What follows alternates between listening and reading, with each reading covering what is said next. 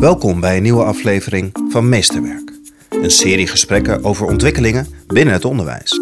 Piketty zegt er is een heersende macht die bedenken een ideologie om ook aan de macht te blijven. In deze aflevering zijn Jos de Mulder en Cilia Born te gast. Jos en Cilia schreven samen het boek Kiezen voor kansen. Doordat uh, de leraren en de leiding eigenlijk de macht hebben in het onderwijs, zal het 20, 30 jaar duren voordat er iets verandert. Het boek roept leraren, schoolleiders en besturen op zich meer bewust te worden van de kansenongelijkheid in de klas en op school. Cilia en Jos staan een inclusieve en kansrijke samenleving voor ogen en geloven in de toekomst van kinderen en de cruciale rol van onderwijs daarin.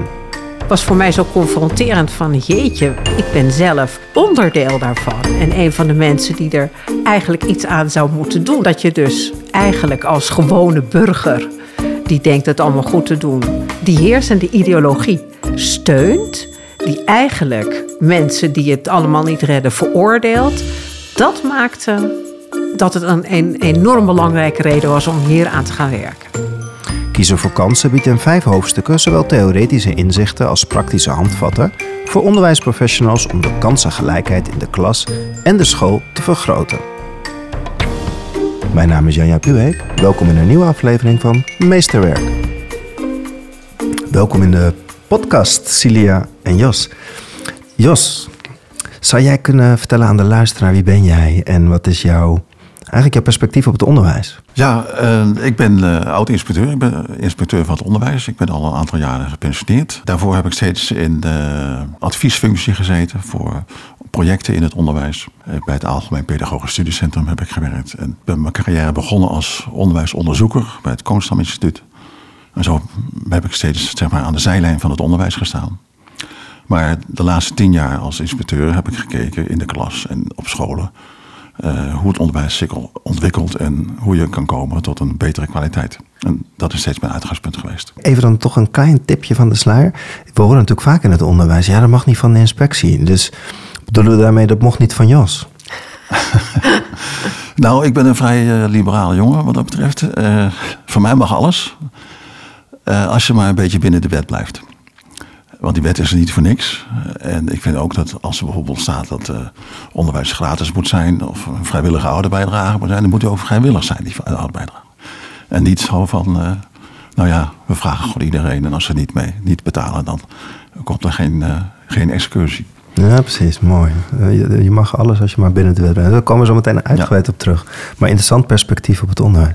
Cilia, ja? kan jij vertellen wie jij bent en ook jouw perspectief op het onderwijs? Ja, ik zeg altijd dat ik mijn hele leven lang al in het onderwijs zit. Want ik ben uh, toen ik vijf was naar de kleuterschool gegaan. En daarna ben ik naar de PABO gegaan, het middelbare school naar de PABO. Ik heb voor het basisonderwijs gewerkt. In het voortgezet onderwijs. Ik heb Nederlands gestudeerd en toen ben ik aan de MAVO en HAVO-les gaan geven en het MBO. Toen ben ik onderwijskunde gaan studeren en uiteindelijk ben ik uh, onderwijskundige geworden bij Hogeschool Leiden. Wat ik in al die jaren in het onderwijs, in al die takken van sport van het onderwijs ook geleerd heb, is dat het zo belangrijk is dat je kinderen tijd en aandacht geeft als je wil dat ze zich ontwikkelen. Als ze gezien worden, dan kunnen ze groeien. En, en dat is altijd mijn motief geweest. En dat is ook waarom ik ons boek zo belangrijk vind.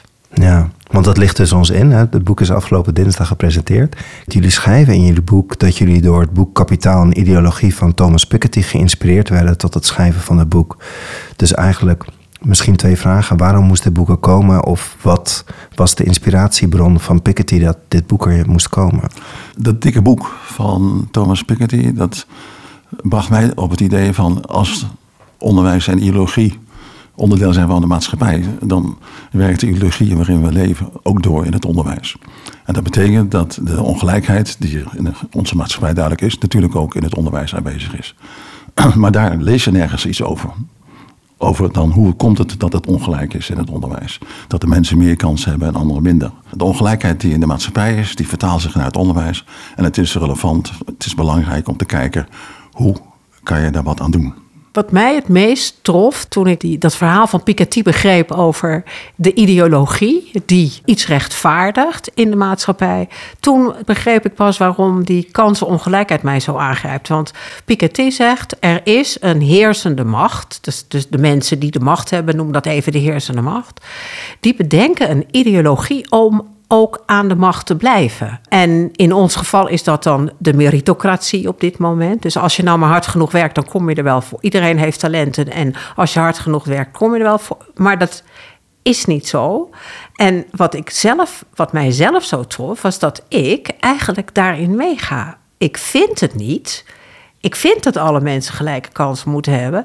Maar doordat ik eigenlijk meega in die gedachte, blijft die heersende, verkeerde verdeling tussen de mensen bestaan. En dat is niet, dat doe ik niet alleen, dat doen een heleboel mensen. En dat, is, dat maakt het voor, volgens mij zo, was voor mij zo confronterend van jeetje, ik ben zelf onderdeel daarvan. En een van de mensen die er eigenlijk iets aan zou moeten doen. En dat was de reden om te zeggen, ja, dan moet ik me er ook verder in verdiepen. En toen zijn we gaan, gaan uitzoeken waar zit het nou en hoe zit het nou. Maar dat element, dat je dus eigenlijk als gewone burger die denkt het allemaal goed te doen, die heersende ideologie steunt, die eigenlijk mensen die het allemaal niet redden veroordeelt, dat maakte dat het een, een enorm belangrijke reden was om hier aan te gaan werken. Is dat ook de, de titelverklaring misschien? Dat je dan ook zegt kiezen voor kansen. Je, je hebt een andere keuze. Ja, ja, en dat is niet voor iedereen. Niet iedereen heeft, heeft de kans om te kiezen. Niet iedereen kan dat door de omstandigheden. Maar er zijn mensen genoeg die wel kunnen kiezen om jou de kans te geven. Dus het is echt een dubbele boodschap, dat kiezen voor kansen. We vinden ook dat we alle lagen in het onderwijs hebben keuzes. Uh, het huidige systeem wat we hebben, dat is ontstaan door allerlei beslissingen en keuzes. Dat betekent ook dat, omdat er juist veel mag in het onderwijs, dat bestuurders kunnen kiezen om hun gelden anders te gaan verdelen. De schoolleider kan ervoor kiezen om waarden en normen te gaan uh, zeg maar, uh, stimuleren. Die kinderen van laag opgeleide ouders bijvoorbeeld wat meer tijd geven, wat meer faciliteiten geven. Vaak hebben kinderen wat minder mogelijkheden. Nou, als school kan je daarvoor kiezen om wel meer mogelijkheden te bereiken. En als leraar in de klas kan je ervoor kiezen om bepaalde kinderen wat meer aandacht te geven dan anderen. Dus je kan op talloze fronten en niveaus kan je uh, keuzes maken. Dat geldt eigenlijk voor iedereen. Jos, waarom doen we het niet? Ja, dat is het grote probleem. Sia heeft net al een beetje gezegd. Eigenlijk is het gewoon gemakkelijk om, ja, om je niet druk te maken erover. Het systeem gaat toch wel verder. Eigenlijk worden die ook niet gedwongen om, om, om er rekening mee te houden. Want ja, wat gebeurt er als je die doet? Nog niet veel. En het systeem is er ook op gericht om bijvoorbeeld te selecteren. Om, om te zorgen dat de zogenaamde de beste leerlingen, dat wil zeggen degene die het beste prestaties halen, dat die dan uh, verder komen. En hoe meer kinderen van dat soort je op school hebt, des te verder uh, rijk je, des te verder uh, meer Daar word je ook weer voor beloond. En Precies, dat, dat, dus, ja. Neem me mee door jullie boek. Ja, we, we beginnen eigenlijk met het, een beetje het uitleggen van hoe het onderwijssysteem in Nederland is zoals het is. Uh, wij denken dat veel mensen, zelfs in het onderwijs, ook niet altijd weten hoe het, hoe het helemaal zit. Bijvoorbeeld dat, je, uh, dat er best in ons systeem in principe allerlei mogelijkheden zijn om van helemaal VMBO uh, uh, T naar de universiteit te komen. Maar dat er nu zoveel uh, bruggen opgeworpen zijn en, en, en hekken, dat het niet voor iedereen zo makkelijk is. Dus dat doen we. We leggen ook een beetje de historische achtergronden uit. Daar beginnen we mee. Ook een beetje laten we zien dat verhaal van de ideologie van Piketty en hoe ons dat gegrepen heeft en hoe wij zien dat die meritocratie zo'n enorme invloed heeft op ons hele systeem. En dat wij daar dus met z'n allen toch eigenlijk in meegaan. Nou, dan gaan we twee hoofdstukken lang eigenlijk dieper in op de knelpunten. We hebben een aantal knelpunten benoemd en geanalyseerd. En die spelen zich af in het gezin, in de klas, in de school en in het onderwijssysteem. En die, dus we gaan eigenlijk van micro naar macro. En we benoemen daar een aantal knelpunten in die wat ons betreft heel erg duidelijk zichtbaar zijn. Die allemaal meedoen aan het veroorzaken van die kansenongelijkheid. Ja, zullen we even langs gaan? Ja, de drie knelpunten? De eerste knelpunt is in het gezin. Dat zijn, daar is het eigenlijk een heel belangrijk knelpunt meteen. Want het opleidingsniveau van ouders zegt heel veel over de kansen die een kind, kind krijgt. Het moeilijke is dat je daar op dit moment heel weinig aan kunt doen. Uh, wat wij wel uh, concluderen is dat je ouders kunt steunen en kinderen zo vroeg mogelijk. Want wij zeggen kansenongelijkheid begint al bij de wieg in de wieg eigenlijk al. Dus eigenlijk moet je zo snel mogelijk ervoor zorgen dat dat kind op enige manier die kans krijgt. Bijvoorbeeld in vroegschoolse educatie. Dan gaan we uh, ook bijvoorbeeld gaat het om betrokkenheid van ouders. Het is voor ouders die uh, hoog opgeleid zijn en die alles goed voor elkaar hebben, vaak makkelijker om betrokken te zijn bij hun kind en het kind ook te ondersteunen dan ouders die het druk hebben om gewoon hun hoofd boven water te houden. Uh, dus daar merken we ook alweer dat er, en dat is ook weer in allerlei onderzoek bewezen, dat die betrokkenheid echt helpt. Dat een kind daar zichzelf beter kent, ook meer zelfvertrouwen krijgt. Dus dat is een hele belangrijke. Nou, dan stappen we over naar in de klas. Maar misschien mag ik even aanvullen. Ook voor uh, dat de kinderen naar de basisschool gaan, zie je al dat uh, de taalontwikkeling bijvoorbeeld ook heel erg belangrijk is. Er zijn gewoon gezinnen waar je gewoon meer of minder taal ontwikkelt. Uh, als, als de ouders hoger opgeleid zijn, dan praten ze vaak, blijkt uit onderzoek, uh, meer en gevarieerder met hun kinderen op allerlei, over allerlei onderwerpen. De kinderen krijgen dus meer prikkels. Als er opgeleide ouders hebben vaak ook minder tijd om met hun kind om te gaan. Die hebben ook meer, uh, ja, meestal minder prikkels voor de kinderen. Of praten minder met hun kinderen. Dat blijkt gewoon. En die ongelijkheid die, die wordt eigenlijk ook niet ingehaald. Hè? Dus ook niet als ze naar school gaan. Want de, de kinderen met wat meer taalomgeving, die groeien ook weer harder door. Ja. ja. Taal is de basis voor, voor de eigen ontwikkeling. Ja, jullie zeggen taal is de spiegel van de ziel. Die uitspraak confronteerde ons, zeiden jullie, direct met een probleem. Met welk probleem? Blijft taal een hele cruciale rol eigenlijk door je hele ontwikkeling heen? Ja, kijk, het is nu nog wel steeds de meest geëigende manier om je te uiten en ook om te leren. En zolang dat het geval is, is die taal cruciaal om verder te komen. Zo is het gewoon, helaas. En ik denk dat we daardoor die achterstand als eerste moeten aanpakken in het onderwijs. Dus dat betekent dat je op allerlei manieren als docent, maar uh, ook als begeleider, op welke plek dan ook, met die taal bezig moet zijn. Ja, je zou kunnen zeggen dat bij taal, bijvoorbeeld gebruiken we steeds hoger opgeleid en lager opgeleid. Hè? Eigenlijk willen we dat helemaal niet. We willen gewoon dat mensen zich kunnen ontplooien. Maar onze maatschappij zit zo in elkaar dat uh, naarmate je meer diploma's hebt gehaald, je hoger gewaardeerd wordt. En hoger opgeleid betekent eigenlijk niet alleen maar een hogere, uh, meer, meer onderwijs gehad, of hogere diploma's, maar ook vooral een hogere waardering. Omgekeerd geldt het ook dat als je uh, wat minder geleerd hebt en wat meer met je handen werkt, dat je dan lager opgeleid bent. Maar dat, dat is natuurlijk eigenlijk onzin. Je zou moeten zeggen, de mensen zijn anders opgeleid. Anders dan de een en anders dan de ander. We willen ook helemaal niet dat iedereen hoger opgeleid zou moeten worden. Want dan hebben we geen, eh, geen automonteurs en geen loodgieters en geen verzorgenden meer. Maar iedereen naar zijn eigen talenten. En dan eventjes als bruggetje eh, met het woord hoog even meenemen naar in de klas. Dat is ook, beschrijven jullie ook, het hebben van hoge verwachtingen van kinderen scheelt ook enorm. Hè? Het is echt schokken. Dat blijkt elke keer weer uit onderzoek hoe belangrijk het is dat je hoge verwachtingen koestert. Ik zeg altijd hoge verwachtingen, uh, maar realistisch. Want je kan natuurlijk niet van een kind verwachten dat het iets kan wat het niet zou kunnen. Maar ze kunnen bijna altijd meer dan je denkt. En, en ik vind het schokkend om te merken dat dat toch vaak onbewust bij mensen, bij, ook bij leraren, gekoppeld is, die verwachtingen aan het feit dat ouders hoog of laag opgeleid zijn. En het erge is natuurlijk dat het onbewust gebeurt. Want als mensen het bewust zouden weten, dan zouden ze het waarschijnlijk niet doen. Het is een cultuuruiting. Hè? Ja, en dat maakt het zo erg dat je dus dat je niet weet dat je dat doet. Dus waar, waar wij voor pleit is vooral ook bewustzijn. Bewustwording van het feit dat je aannames hebt. Die hebben we allemaal. Dat is ook helemaal niet erg dat je aannames hebt. Maar als je je bewust bent van het feit dat je ze hebt, kun je er ook iets aan doen. Nou, wij denken dat bewust die hoge verwachtingen hebben en die niet koppelen aan uh, de ouders, maar gewoon naar dit kind te kijken en daar hoge verwachtingen van hebben, dat dat al, al enorm kan helpen. Iets wat later komt, is het onderzoek van, van Karen Heij over de eindtoets.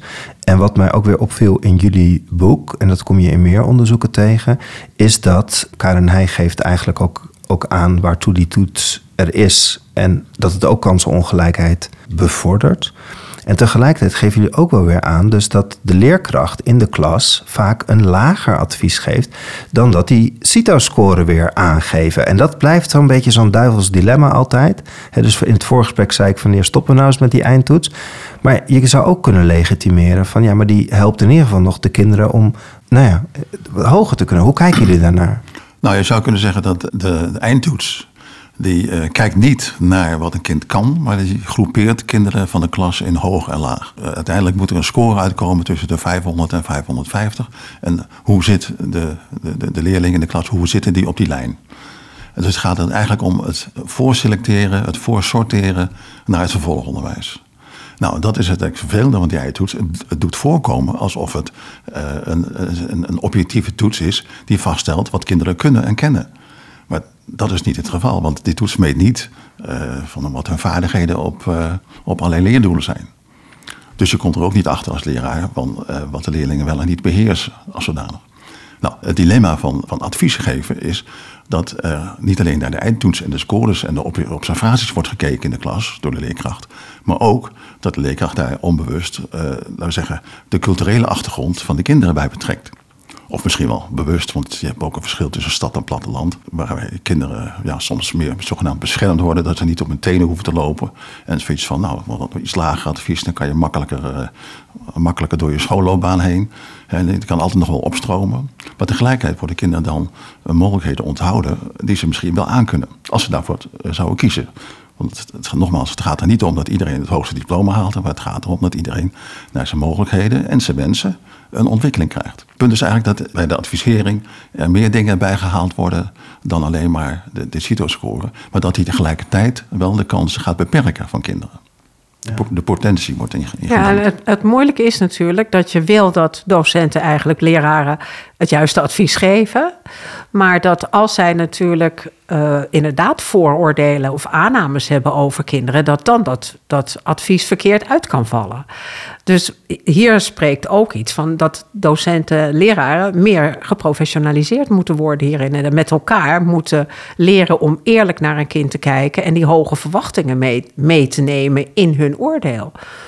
En, en ik denk misschien niet een CITO-toets, maar een andere toets die bijvoorbeeld uh, het niveau van, naar aanleiding van de referentieniveaus of zo meet, zodat je een beeld krijgt, dit is wat dat kind ten aanzien van die niveaus beheerst, dat geeft je wel genoeg uh, informatie om verder te komen. Ja, dus eigenlijk zeg je ook dat de, de huidige leerkrachten niet altijd goed een, een, rugzak gevuld hebben met vaardigheden om een gedegen advies te geven. Nou, dat is wat we ook wel terug horen. En, en het is ook heel moeilijk, maar ik denk dat je daar als school wel met z'n al aan kunt werken om dat te verbeteren. Ja, jullie doen daar ook een paar adviezen in, hè?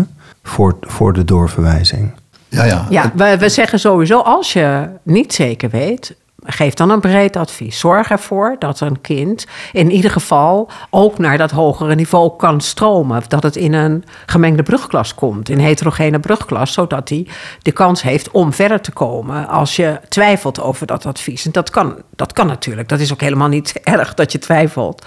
Want een kind ontwikkelt zich natuurlijk ook nog heel erg. Dat is ook waarom we nog liever eigenlijk uh, dat advies uitstellen. En, en niet, uh, niet al op die 11-jarige leeftijd zetten. We zijn in Nederland een van de weinige landen die uh, kinderen al op een 11, 12-jarige leeftijd selecteren voor het vervolgonderwijs. Alle landen in Europa om ons heen die doen dat pas bij hun 15e, 16e jaar. En dat is gewoon een veel langere periode hebben de kinderen dan om zich verder te ontwikkelen. En dan toch even terug naar dat vraagstuk van die macht. want dan gaan ze vervolgens gaan ze naar het vervolgonderwijs op 12-jarige leeftijd. Op 11-jarige leeftijd hebben ze heel vroeg dat advies gehad. Wat je met name ook in de grote steden ziet, is dat je, dat je veel meer HAVO-VWO-scholen ziet. Je ziet nog vrij weinig echte brede scholen. Dus die, die kloof of die segregatie, die begint op hele jonge leeftijd eigenlijk al.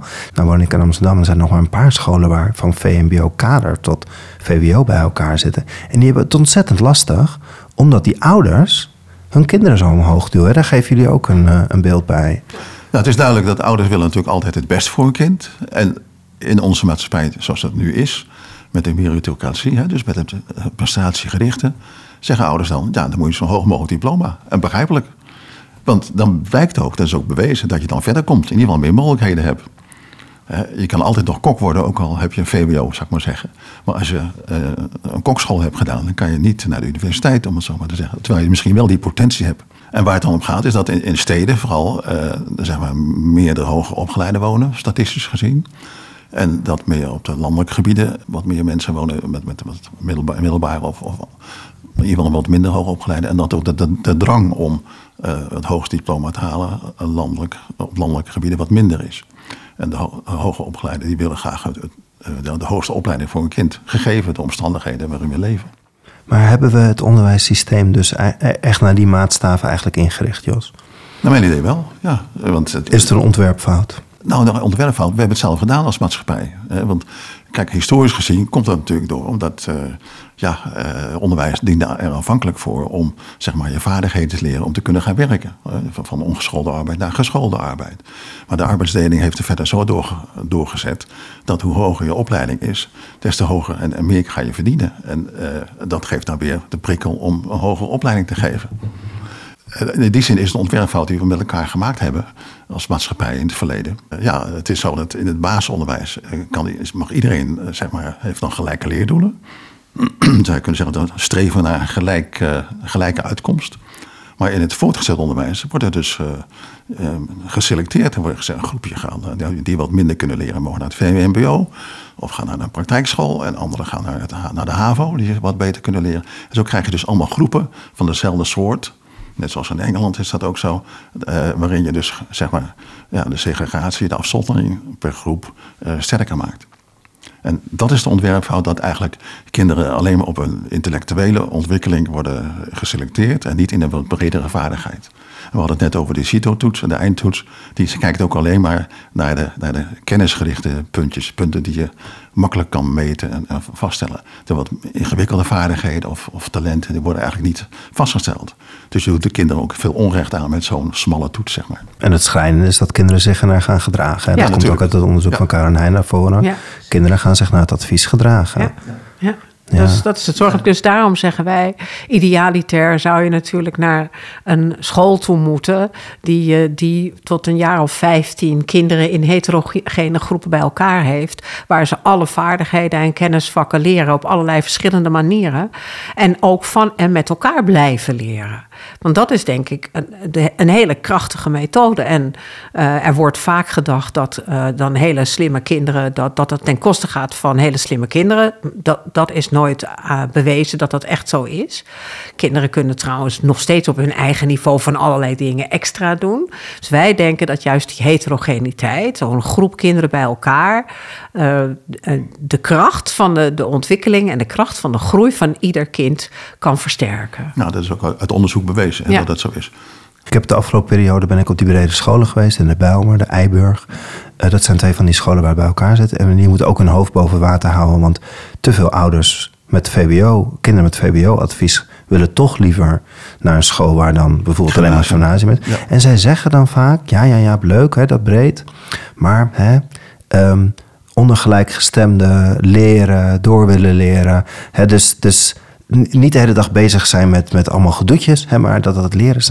Dat is wat mijn kind nodig heeft. Hoe, hoe overtuigen we hen ook van, van dit verhaal? Ik denk dat. Dat, dat vind ik wel moeilijk hoor. Kinderen willen leren. Ieder, kind, ieder mens wil leren. Dat zit, dat zit gewoon ingebakken in onze genen. Dus dat, dat is het probleem niet. Dus het, dus het probleem zit in het hoofd, vooral van de ouders. En ik denk dat, dat het in hun hoofd zit dat kinderen alleen maar willen leren en dus naar het gymnasium moeten, want daar leren ze op de goede manier. Uh, terwijl er nog duizend andere manieren zijn om te leren. Dus ik denk dat het aan ons is om te laten zien en vooral te laten ervaren dat leren zoveel meer is dan in een bank zitten en Latijn en Grieks, hoe leuk en interessant het ook is te leren. Um, en dat het ook belangrijk is dat je je op andere manieren ontwikkelt. Dus dat is iets wat mensen moeten ervaren, lijkt mij. Dat is de beste manier om het te kunnen begrijpen. Maar misschien zit er een ander element bij, wat ik wel eens denk. Is dat uh, op gymnasia heb je, laten we zeggen, voor 99% witte kinderen. Om zo maar, zo maar te zeggen. Dan krijgen de kinderen van de hoge opgeleide ouders. Je ontmoeten dan wat ze dan noemen ons soort mensen. Nou, uh, op zichzelf is het heel begrijpelijk. Want je voelt je misschien wel beter thuis bij ons soort mensen dan bij andere culturen. Maar juist die diversiteit in culturen die je op meer gemengde scholen ziet, uh, die geven juist een rijke ervaring. En bovendien een veel betere voorbereiding voor je maatschappij en maatschappelijke ontwikkeling later. Want als je ergens gaat werken, krijg je ook mensen van een andere huidskleur of met een andere cultuur. Daar krijg je mee te maken. In de Verenigde Staten is daar bijvoorbeeld onderzoek naar gedaan. Waaruit blijkt gewoon dat een heterogeniteit en diversiteit in een populatie rijker werkt voor iedereen. Hoewel de meeste mensen vinden als persoon dat het heel prettig is om onder je, eigen mensen met dezelfde opleiding en dezelfde, uit dezelfde buurt om te gaan. Nou, dat is ook wat moeilijke. Dat, dat vind ik ook echt het moeilijke hoor. Want dat her, ik herken het ook wel. Want je zoekt mensen bij wie je je senang voelt, bij wie je past. En dat is dan vaak eerder een groep die vergelijkbaar is opgeleid. Dat klopt ook wel. Uh, maar het, je merkt ook dat het anders kan en dat dat net zo waardevol is. Maar dat doorbreken, nou, dat vind ik een van de grootste. Dat is ook waar wij in ons boek naar op zoek zijn. En waarom zijn jullie dan toch zo bescheiden? Jullie zeggen niet het systeem deugt aan alle kanten niet, het moet stuk, we moeten het anders doen. Ja, dat zeg, we, zeggen, we zeggen we doen een, een geleidelijke uh, revolutie, zeggen wij. Ja, maar dat is toch een beetje, een beetje voorzichtig, Celia. Nou, nou ja, ik, ik nou. zelf zou wel de steen in de vijf willen gooien, maar ik ben, denk ik, dat is ook mijn leeftijd, ben ik bang, uh, ook wel een stuk realistischer geworden dan ik 20 of 30 jaar geleden was. En ik zie ook dat veranderingen moeilijk gaan. Dat is gewoon, mensen willen niet echt veranderen op een paar mensen na dan misschien, zoals wij die zeggen, het moet anders. En het moet een noodzaak zijn, het moet een objectieve noodzaak zijn. Je ziet het ook om ons heen, eh, met die oorlog in de Oekraïne die we nou hebben. Er komt van alles los. Zelfs moeten we nu ineens 2% aan, aan, aan defensie gaan uitgeven, terwijl we dat eigenlijk helemaal niet wilden. Maar nu, nu gebeurt het wel. Ik wil alleen maar zeggen, maatschappelijke omstandigheden nopen ons tot verandering. En zolang alles kabbelt en voortgaat, zal het weinig of weinig veranderen. Dus ik denk van, uh, ja, hoe krijg je wel een, een steen in de vijver? Door een goed alternatief te presenteren. Dat doen wij in hoofdstuk 5 van het boek. Waarin we zeggen, eh, de kern is eigenlijk niet meer dat leerstof systeem waar we nu hebben. Waarin iedereen geacht wordt op hetzelfde moment hetzelfde te leren. Eh, afhankelijk van je leeftijd. Maar kijk eens naar het individuele kind. Zorg voor individueel gericht en ontwikkelingsgericht onderwijs. Ja, want, dat is de, de kern van jullie boodschap. Hè? Ja. Kan, je, kan je dat nog wat meer duiden? Hoe ziet het, het, het ideale uh, onderwijssysteem van Cilia en, en Jos eruit? Dat is een brede school, sowieso. Van in ieder geval van 0 tot 15 jaar, zal ik maar even zo zeggen. Dus waar een integraal kindcentrum, dat, dat begrip dat is tegenwoordig al een stuk bekender. Dus eigenlijk kunnen kinderen er vanaf uh, vlak na de geboorte terecht uh, in, de, in de kinderopvang. Met de gratis opvang, hè? gratis is de opvang. Voor alle dagen. Onderwijs is ook gratis voor uh, in het funderend onderwijs is ook gratis tot 15 jaar. Gratis bijles. Uh, Wij vinden dus echt een brede school, waardoor waar kinderen die extra tijd en, en extra activiteiten als ondersteuning nodig hebben, dat gewoon binnen die school kunnen krijgen. Dat is eigenlijk het allerbelangrijkste. En dan een zo rijk mogelijk aanbod. De kinderen aan de ene kant ook genoeg energie en tijd om, om de basisvaardigheden te leren. Want je hebt gewoon een aantal basisvaardigheden nodig om je goed te kunnen handhaven in de maatschappij. Maar ook een heel breed en rijk aanbod daaromheen. Zodat kinderen ook op allerlei manieren andere dingen kunnen leren en onderzoeken, vaardigheden verwerven. En dat in en om de school. En dat breed gesteund. Dus dat er dat de, dus de naschoolse opvang bijvoorbeeld, dat daar ook weer PABO's en, uh, en uh, MBO-opleidingen kunnen assisteren, zodat stagiaires daar meteen een waardevolle, betekenisvolle taak kunnen hebben. En ook de koksopleiding van het MBO de lunches kan verzorgen. Ja, noem maar op. We hebben echt een soort ideaalbeeld van een school waar kinderen tot 15 jaar in heterogene groepen leren. En in die, eerst, die laatste drie jaar langzaam voorsorteren naar wat is dan een vervolg van jouw opleiding? Waar kun jij daarna naartoe? Daar hebben we ook over nagedacht. Maar daar verandert niet echt substantieel iets aan de verschillende lagen. Er blijft een beroepsopleiding, er blijft een HBO en, en er blijft een HAVO-VWO-achtige opleiding en daarna een HBO en WO. Waar, waar wij wel ook daar pleiten is ook daar voor ontwikkelingsgericht onderwijs. Dus ook weer aandacht voor de individuele ontwikkeling van het kind. Dat betekent dat in onze opvatting ook aan de opleidingen wat gedaan moet worden. Zowel van de schoolleider, eh, van beter kunnen managen en aansturen, inspireren van mensen eigenlijk. Maar ook eh, voor, voor de leerkracht. Hoe begeleid je nou zo'n diversiteit in, in, de klas? Dat, dat is niet iedereen gegeven. Daar kan je vaardigheden in ontwikkelen. Dingen. Nou ja, heb je dan nog in jullie school een ouderwets opgeleide leerkracht nodig? Hè? Of heb je een hele diversiteit aan, aan functiebouwhuis nodig? Dat laatste natuurlijk, een diversiteit aan mensen. Maar natuurlijk moet je ook als leerkracht vakkennis hebben over bepaalde delen. Uh, je ziet het nu al met de basisvaardigheden. Een aantal leerkrachten vinden het moeilijk om rekenonderwijs of taalonderwijs te geven, omdat het veel specifieker en, en concreter ingaat op, op de leerdoelen die je, die je moet leren. Laat staan dat dat, eh, als het eh, naar, naar vakken gaat, zoals Engels of, of andere vakken of aardrijkskunde op de middelbare school. Toch zijn er al een aantal van dit soort scholen. Zijn jullie mooie voorbeelden tegengekomen die dichtbij komen bij jullie ideaal? Kijk, ik weet dat het Agora-onderwijs, die zijn wel al, de scholen die daarmee bezig zijn, die hebben wat mij betreft wel de goede insteek. Daar wordt gekeken naar wat kan dit kind, wat wil dit kind, hoe motiveert het zich, uh, hoe uh, gaat het werken aan de leerdoelen en hoe monitor ik dat en hoe samen met dat kind en zijn ouders. Vind ik een mooie manier. Maar dat vereist ook een aanpassing van het denken over leerstof-jaarklassensysteem. Namelijk het denken over groep. Dat uh, is iets wat gewoon zo vastgebakken zit in onze schoolcultuur. Dan moet je eerst zeg maar ter discussie stellen. Durven stellen ook. Maar dat vereist dus een visie. Dat vereist dat je gaat nadenken: hé, hey, ja, welke belemmeringen, belemmeringen brengt dat met zich mee? Welke uitdagingen staan ons te wachten als we het anders gaan oppakken? Wat ook naar voren komt in het onderzoek van Karen Heij eigenlijk, eh, wat implicieter, maar wat wel degelijk haar vraag steeds is, waartoe dient het onderwijs? Het voorbereiden op de maatschappij, zoals dat heet. En dat is zowel persoonlijk, de persoonsvorming, als uh, kennis- en vaardigheidsontwikkeling. En dan bedoel ik niet alleen maar beroepsgericht of zo, want dat, dat komt vanzelf wel ten, ten zijn tijd.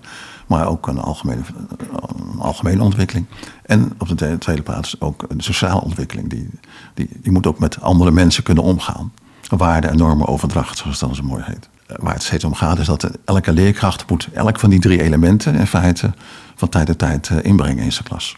Ik vind het niet verkeerd dat er onderwijs is. Het is niet zo dat het wat mij betreft weg moet. Maar ik denk dat het wel goed is om na te denken over hoe doen we dat dan? Hoe, hoe maken we kinderen zelfbewust? Hoe zorgen we ervoor dat ze met zelfvertrouwen de maatschappij tegemoet treden? Dat is wat we, wat we nu vaak zien veranderen in het onderwijs, juist in negatieve zin. Nou, dat, dat, dat kan niet de bedoeling zijn. Ik denk dat het belangrijk is dat scholen daar zelf over nadenken. Precies, het is wat, de eerste vraag. Wat is het nou? Wat is het nou? Hoe, waarom willen wij dit en hoe willen wij dit dan doen? Wat wij ook in ons boek schrijven, dat is een ideaalbeeld dat wij hebben. En ik kan me voorstellen dat mensen zeggen, nou zo wil ik het niet. Hoeft ook niet, maar bedenk wel iets waar je wel die kinderen recht mee doet. Want daar gaat het om. Josje, vanuit jouw inspectieperspectief heb je natuurlijk veel scholen bevraagd op dit vraagstuk. Hè, van, vanuit je visie. Um, er is veel vrijheid in Nederland. En, en toch zitten we ook weer vast in, het, in, in deze machtsstructuren. Aan welke knoppen moeten we nou draaien, Jos? Ja, ik heb altijd gezegd van er verandert pas iets als het in het voortgezet onderwijs in het eindexamen zit. Als het niet in het eindexamen zit, dan verandert er niks. Dat is een pessimistische benadering. Ja. En dat kan ik ook verder toelichten. Maar de kern is natuurlijk van waarom ga je iets anders doen? Waarom wil je of moet je iets anders doen? Nou, dat kan voortkomen uit persoonlijke drijfveren. Van ik ben gemotiveerd vanuit mijn beeld op de maatschappij, vanuit mijn beeld op ontwikkeling van kinderen. Om kinderen, laten we zeggen, breed op te leiden, zich breed te laten ontwikkelen. Dat kan je als school, als, als, als schoolleider, als bestuur ook, ook nastreven. Je kan zeggen, we willen talentontwikkeling van alle kinderen. Nou, dat staat er bijna in elke schoolgids, talentontwikkeling. Maar er wat aan doen en het vaststellen van wat verstaan we daar dan onder... en hoe rijk is die ontwikkeling, ja, dat gebeurt dan niet. Dus wat ik dan in het verleden steeds gedaan heb, is scholen bevragen. Oké, je hebt allemaal mooie woorden opgeschreven. Hoe geef je daar nou vorm aan? Laat maar zien. En uh, ja, wat, wat betekent dat dan? Hoe, wat, wat, wat, wat is de concretisering daarvan? En hou je ook bij hoe ver je gevorderd bent. De, de maatschappij vraagt om iets anders. De maatschappij is divers. Als ik met jonge mensen praat over dat vraagstuk diversiteit en inclusie, dan is steenvast hun antwoord: ja, de oude generatie ziet daar een probleem, maar wij leven in een diverse samenleving. Wake up. Dat is de grootste boodschap die ik terugkrijg. Jullie moeten zorgen dat het onderwijs inclusief wordt, want dat is het niet. Het is gestoeld in het verleden. Dat is heel erg. Dus zij roepen daarom. Als je kijkt naar corona, je hebt het over de Oekraïne. Als je kijkt naar de maatschappij, hebben we echt iets anders nodig dan die oude shoelbak van het huidige systeem die jullie net beschreven. Helemaal dus eens. alle urgentie is er. Dus eigenlijk is dan de vraag: hoe doorbreken we die visie naar die, naar die urgentie in de maatschappij? De macht in, in het onderwijs ligt bij de besturen en de schoolleiding over het algemeen. En er zijn wat kaders door de wetgever bepaald, maar de leerlingen hebben niks te vertellen. Een van onze elementen is ook dat de leerlingen meer zeggenschap moeten krijgen. Eh, wij, wij vinden dat eh, bijvoorbeeld de, de toezichthouder, het bestuur, de raad van bestuur van de school, zouden ook leerlingen in moeten. Als ze boven de 15 zijn bijvoorbeeld. Of onder de ouders van de leerlingen. Om te laten zien van kijk, er zijn meer waardenormen dan alleen maar het belang van de leraar. Doordat eh, de leraar en de leiding eigenlijk de macht hebben in het onderwijs, zal het 20, 30 jaar duren voordat er iets verandert. En, en ik denk dus dat een, een eh, bestuur echt de knuppel in het hoenderhok moet gooien. We hebben Die ander leiderschap nodig. Ja, dat moet eh, de schoolleiding. ja. Uit- Ja. die moeten echt zorgen. Want ik denk dat er veel meer potentie is, ook bij leerkrachten, dan we nu zien. Maar die, die, die, die vormen zich een beetje naar zoals ze denken dat het moet zijn. En ik denk dat een wenkend perspectief dat geboden wordt, mensen ook los kan maken uit, dat, uit die beetje die sleur. En ze, en ze bereid maakt om echt iets anders te gaan doen met hun vak. Dat, daar geloof ik echt in. Maar dat betekent dat dat kunnen wij als buitenstaanders niet meer zo makkelijk doen. Dat moet toch van binnenuit ook komen. Waar het wel zit is bijvoorbeeld bij scholen met een bepaalde richting. Hè, zoals je al noemde, Agora of Dalton of Jena-plan of Montessori. Daar hebben ze een bepaald, vrije scholen ook, een bepaald ideaalbeeld van hoe het onderwijs er inhoudelijk uit moet zien en organisato- organisatorisch. Eh, en dan krijg je ook veel meer discussie daarover. Je noemt nu vrije school, je hebt natuurlijk ook een heel sterk mensbeeld. Ja.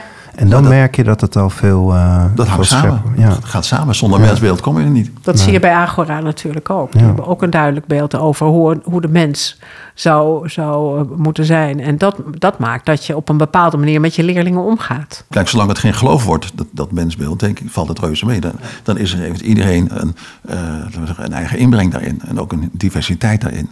En dan gaat het erom, hoe kan je laten we zeggen, de mensen de ruimte geven om zich zo optimaal mogelijk te ontwikkelen. Kan het onderwijs het zelf oplossen? Alle verandering gaat net zo ver als dat het gedragen wordt door de mensen die het moeten doen. Dat is het uitgangspunt. En dat betekent ook dat wij hebben aangegeven in ons boek... het moet van dus twee, drie kanten tegelijk worden aangepakt. Eh, en dan hebben we het alweer over ideologie en eh, maatschappijbeeld en mensbeeld. Van wat, wat voor soort onderwijs willen wij? Wat voor soort maatschappij willen wij nastreven? Ons verhaal is dat het gaat over rechtvaardigheid. Eh, De ideologie, het verhaal, de, de rechtvaardiging van wat je doet. Er moet mensen te goede komen. Als er dus eh, steeds meer mensen dat, zich dat bewust worden, dan kan je zeg maar van onderaf aan, ook als ouder, maar ook als, als leerkracht en als schoolleider, vanuit zo'n mensbeeld, vanuit zo'n visie, werken aan beter onderwijs, aan, aan het verkleinen van kansen. En dat begint al met leerachterstanden te beperken en ook de oorzaken daarachter, eh, zeg maar, eh, te, te bestrijden. Tegelijkertijd kan het ook niet alleen maar van onderaf aan. Het moet ook vanuit de politiek, vanuit de besluitvorming. Van de besturen moet het uitkomen. Ja, we Nou, hebben net eh, bij onze presentatie hebben we het eerste exemplaar uitgereikt aan Paul van Menen, eh, Tweede Kamerlid voor D66. En wij hebben hem een duidelijke opdracht meegegeven. Zorg nou eens voor een echt langjarig beleid dat de goede kant uitgaat. En dat niet elke keer weer met allerlei van die eh compromisloze, vervelende... of juist compromissen die net, net een besluit onmogelijk maken. Zorg nou voor een langjarig beleid dat ook echt rechtvaardigheid... Ik heb wel het gevoel dat er steeds meer een momentum is. Je ziet het ook aan. eh, Die serie Klassen is toen zo enorm goed be- bekeken. En heeft ook wel echt iets teweeggebracht. Waardoor die gelijke kansenalliantie ook echt groter is kunnen worden. Eh, de Sander en de Kloof, dat heeft ook wel, wel iets weer losgemaakt bij mensen. En, en eh, de zeven vinkjes van Luierdijk, het zijn wel allemaal kleine voorbeelden van het feit dat, dat de maatschappij en, en met name de mensen die de kansen krijgen, zich bewust worden van het feit dat het zo is. En dat er dus misschien eh, actie ondernomen moet worden om de gelijkheid, kansengelijkheid, echt eh, groter te maken. Celia en Jos, mag ik jullie danken voor de gastvrijheid voor dit gesprek. En voor jullie mooie boek Kiezen voor Kansen, wat jullie deze week in de wereld hebben, aan de wereld hebben gegeven. Dank jullie wel. Graag gedaan. Graag gedaan. Meer podcastafleveringen van Meesterwerk zijn te beluisteren via Spotify, iTunes, Soundcloud of kijk op janjapubeek.nl.